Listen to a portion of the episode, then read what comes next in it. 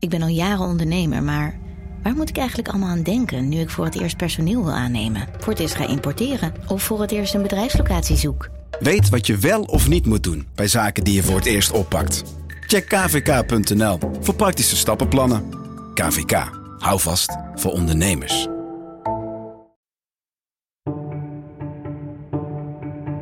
Als je met me wilt praten, moet je me maar komen halen. Thomas van der Bijl is heel stellig als hij in het najaar van 2004 wordt gebeld door een rechercheur uit Amsterdam. En iedereen die hier de deur intrapt, krijgt een kogel door zijn kop, voegt hij daar voor de duidelijkheid aan toe in plat Amsterdams. Van der Bijl heeft geen zin om de volgende te worden, legt hij daarna uit. Hij wil zijn beste vriend Cor van Hout niet achterna. Hij is bang voor die ene man, die man die de hele stad terroriseert.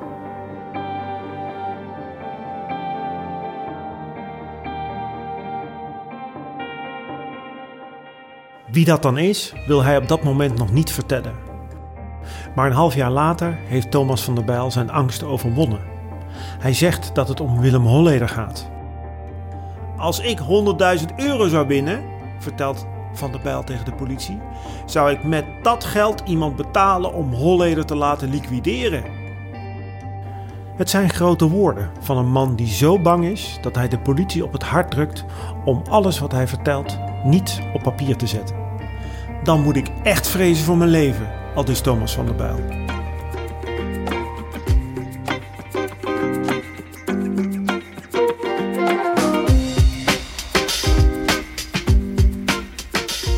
Wie is deze man en waarom is hij zo bang voor Willem Holleder? Ik ken Thomas van der Bijl niet, maar zijn naam duikt wel op in oude strafdossiers waar ik me eind 2005 in ga verdiepen. Het is net na de moorden op John Mierenmet en Kees Houtman. Het onderwerp van de vorige podcast in deze serie. De arrestatie van Willem Holleder hangt op dat moment in de lucht. Het is niet de vraag of hij wordt aangehouden, maar wanneer. En daarom ben ik dus stukken en dossiers aan het verzamelen over de neus. En al snel blijkt dat de relatief onbekende Van der Bijl op verschillende momenten een cruciale rol heeft gespeeld in het leven van Willem Holleder. Van der Bijl, timmerman van beroep, was een loyale onderwereldsoldaat. Hij groeide, net als Holleder, op in de Jordaan en was, net als Willem, goed bevriend met Cor van Hout. Zo was het Thomas van der Bijl die de Heineken-ontvoerders zijn auto leende toen ze op de vlucht sloegen naar Parijs. Meneer Van Nul, 135, even tussendoor. Er is een auto om het viaduct uitgekomen en die volgen thans op de monitor. Ja, dat moet hem zijn. Hij gaat richting Arnhem, klopt dat? Jaren later duikt Thomas van der Bijl op als chauffeur van Willem Holleder en rijden ze samen naar Zuid-Frankrijk, waar Cor van Hout op dat moment herstelt van zijn verwondingen na de eerste aanslag op zijn leven. Ook is Thomas van der Bijl beheerder van een aantal prostitutiepanden, waarvan op dat moment wordt gezegd dat ze van Cor van Hout zijn. Ik ontdek dit allemaal op het moment dat ik een profiel aan het maken ben over Willem Holleder, dat na zijn arrestatie begin 2006 in de krant verschijnt. Maar hoe belangrijk Thomas van der Bijl echt is geweest, realiseer ik me op dat moment nog niet.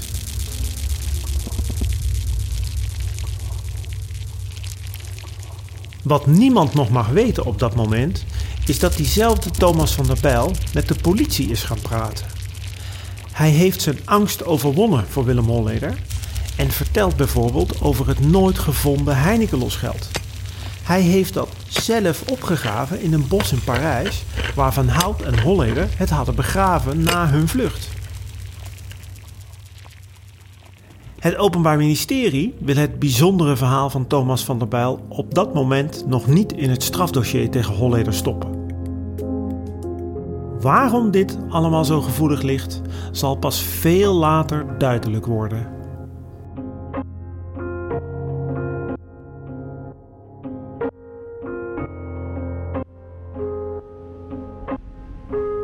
Van der Bijl staat in de deur van zijn woning als er een busje aankomt rijden.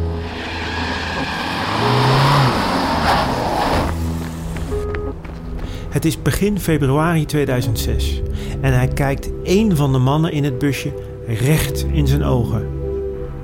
Van der Bijl staat te trillen op zijn benen, maar wacht niet af om te zien of ze uitstappen. Hij rent weg, naar binnen. De twee hebben het op hem gemunt, weet hij intuïtief. En Van der Bijl heeft gelijk. De mannen hebben wapens in hun busje liggen om Van der Bijl mee te liquideren. Maar nu ze gezien zijn door hun doelwit, blazen ze de poging af.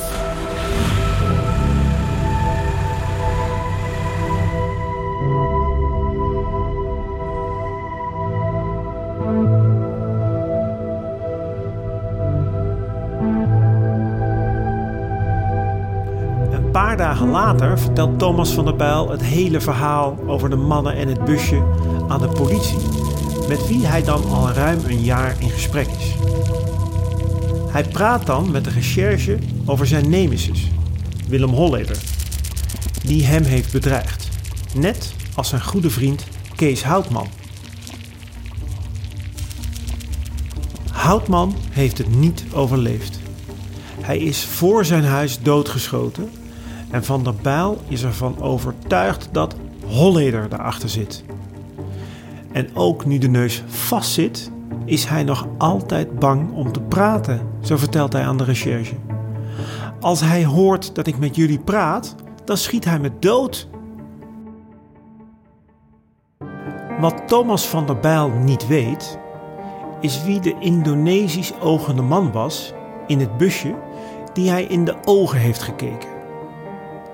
Dat was Jesse Remmers, telg van een bekende misdaadfamilie uit Vinkenveen. Zijn naam is ook opgedoken in het moorddossier van Cor van Hout. Naast deze Jesse Remmers zat Peter Lacerpe, eveneens een onderwereldfiguur en een goede vriend van Remmers. Ze vormen samen een moordcommando en hebben de opdracht aangenomen voor de liquidaties van Kees Houtman en Thomas van der Bijl. Omdat Lacerpe en Remmers zijn gezien door Van der Bijl en de moordaanslag dus niet is gelukt, vlucht het duo naar het buitenland. Ze dragen de moordopdracht over aan iemand anders.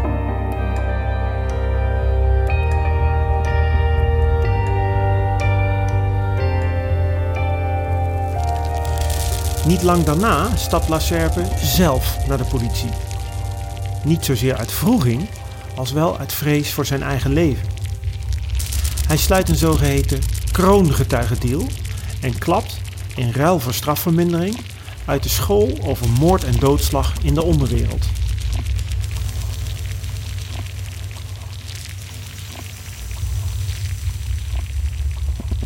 Peter Lacerpe, die in de onderwereld ook wel Peter Viestand of Vieze Peter werd genoemd, vertelt aan de recherche dat zijn goede vriend Jesse Remmers de spil is geweest om wie al dat moorden draaide.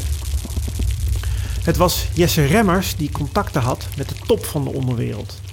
En het was Jesse Remmers die de wapens bestelde en die de orders uitdeelde. Peter Lacerpe ging samen met Jesse Remmers naar Osdorp om daar Kees Houtman te vermoorden. En het waren de ogen van Jesse Remmers die Thomas van der Bijl zag toen dat busje aankwam rijden.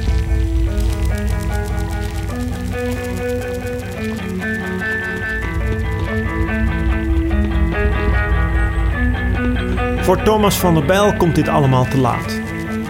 Hij wordt in het portaal van zijn café De Halle op 20 april 2006 doodgeschoten terwijl hij aan het stofzuigen is. Twee mannen maken met vier kogels een einde aan zijn leven.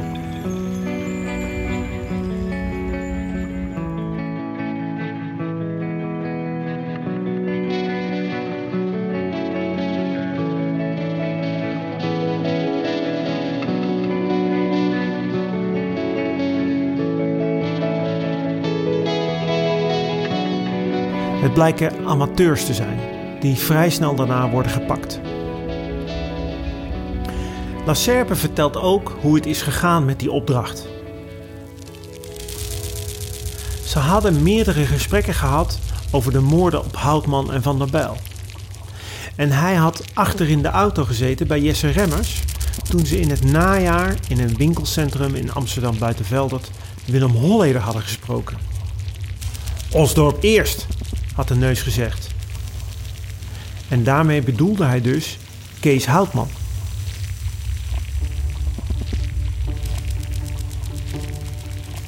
Die twee woorden, Osdorp eerst, zullen uiteindelijk een cruciale rol gaan spelen in de strafzaak tegen Willem Holleder, waarover deze hele podcastserie eigenlijk gaat. Maar het had niks gescheeld of ze waren nooit naar buiten gekomen. In eerste instantie is Peter Lacerpe namelijk zo bang voor de neus dat hij eist dat de delen uit zijn verklaring waarin hij over hem praat worden weggelaten. Deze zogeheten Holleder-weglatingen verklaren waarom de neus nu pas wordt vervolgd voor de moorden, terwijl zijn medeverdachten inmiddels allemaal zijn veroordeeld. De Holleder-weglatingen van Peter Lacerpe kunnen dus niet worden gebruikt als de neus in 2006 wordt vervolgd voor afpersing. Het is een zaak die ik op de voet volg. En langzamerhand wordt er meer duidelijk over Thomas van der Bijl. De eerste tip krijg ik van Bram Zegers, de juridisch adviseur van Wim Enstra, met wie ik dan regelmatig contact heb. Thomas van der Bijl, zo vertelt Zegers me, zou als anonieme bedreigde getuige gaan verklaren in de strafzaak tegen Willem Holleder. Zegers weet dat allemaal omdat hij zelf ook zou getuigen tegen Holleder. Op de ochtend dat Van der Bijl werd vermoord, kreeg hij een waarschuwing van de politie. Ik krijg een belletje op, uh, wat was het, 12 april of uh, koffer pakken en onmiddellijk naar Duitsland gaan. Zo snel mogelijk. Binnen drie uur het land uit. Want Van der Bijl is doodgeschoten. Nou ja, en Van der Bijl, dat had ik jou verteld, dat Van der Bijl getuige was. Jij ja. ja, dat zeggen ze. Maar hij was het. Hij, hij was niet bedreigd al niet getuige. Ja. ja. Nee.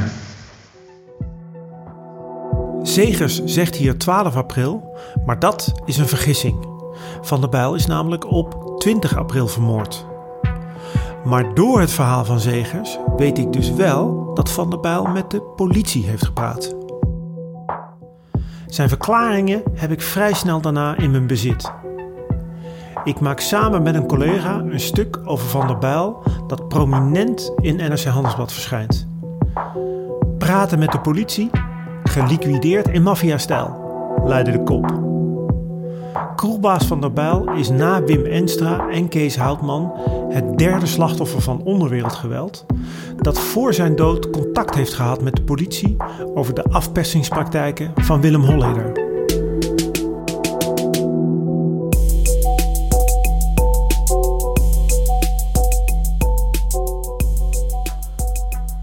Maar het belang van de verklaringen van Thomas van der Bijl kan ik op dat moment nog niet zo goed inschatten. Dat verandert een jaar later als ik erachter kom dat het Openbaar Ministerie, op basis van het verhaal van Thomas van der Bijl, opnieuw is begonnen met een onderzoek naar het nooit gevonden Heineken-losgeld. Er zijn op vele plekken invallen gedaan en er wordt een fors aantal mensen aangehouden.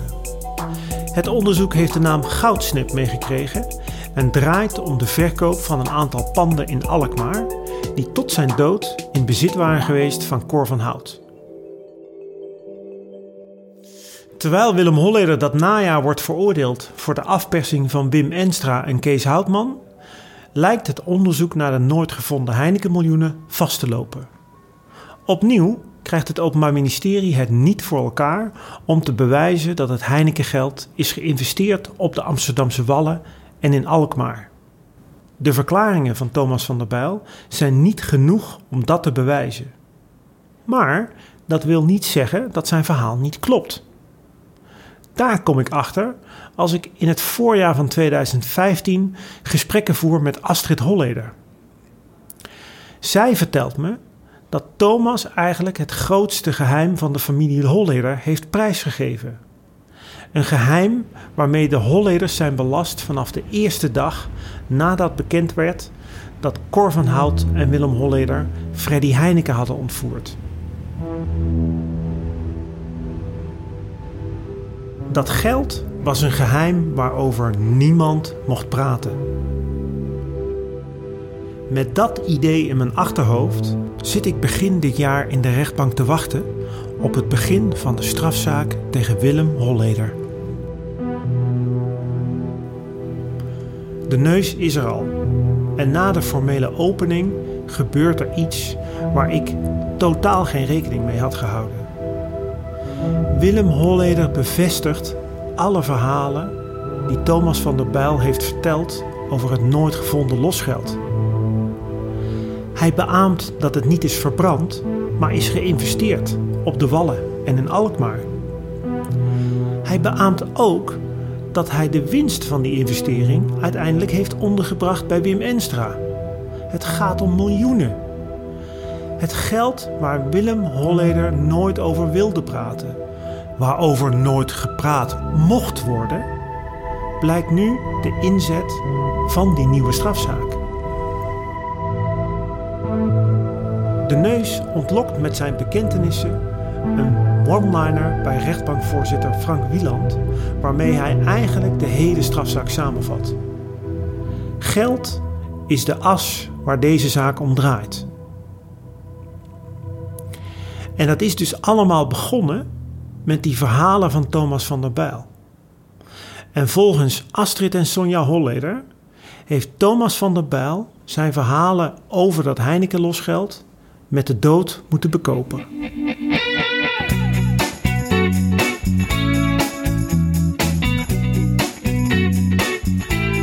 Dit is voorlopig de laatste aflevering van deze podcast. Die is gemaakt door Mirjam van Zuidam en Else van Driel. De strafzaak tegen Willem Holleder gaat nog zeker tot eind 2018 duren. En ik blijf hem voor je volgen. Dus als je wil weten hoe het verder gaat met Willem Holleder, abonneer je dan op deze podcast en je krijgt vanzelf een bericht wanneer er een nieuwe aflevering is.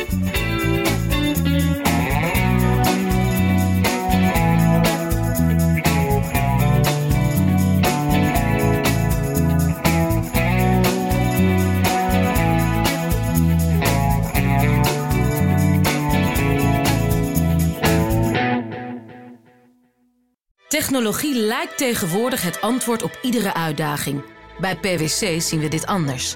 Als we de potentie van technologie willen benutten, kunnen we niet zonder een menselijk perspectief. Human-led, tech-powered noemen we dat. Ga naar pwc.nl.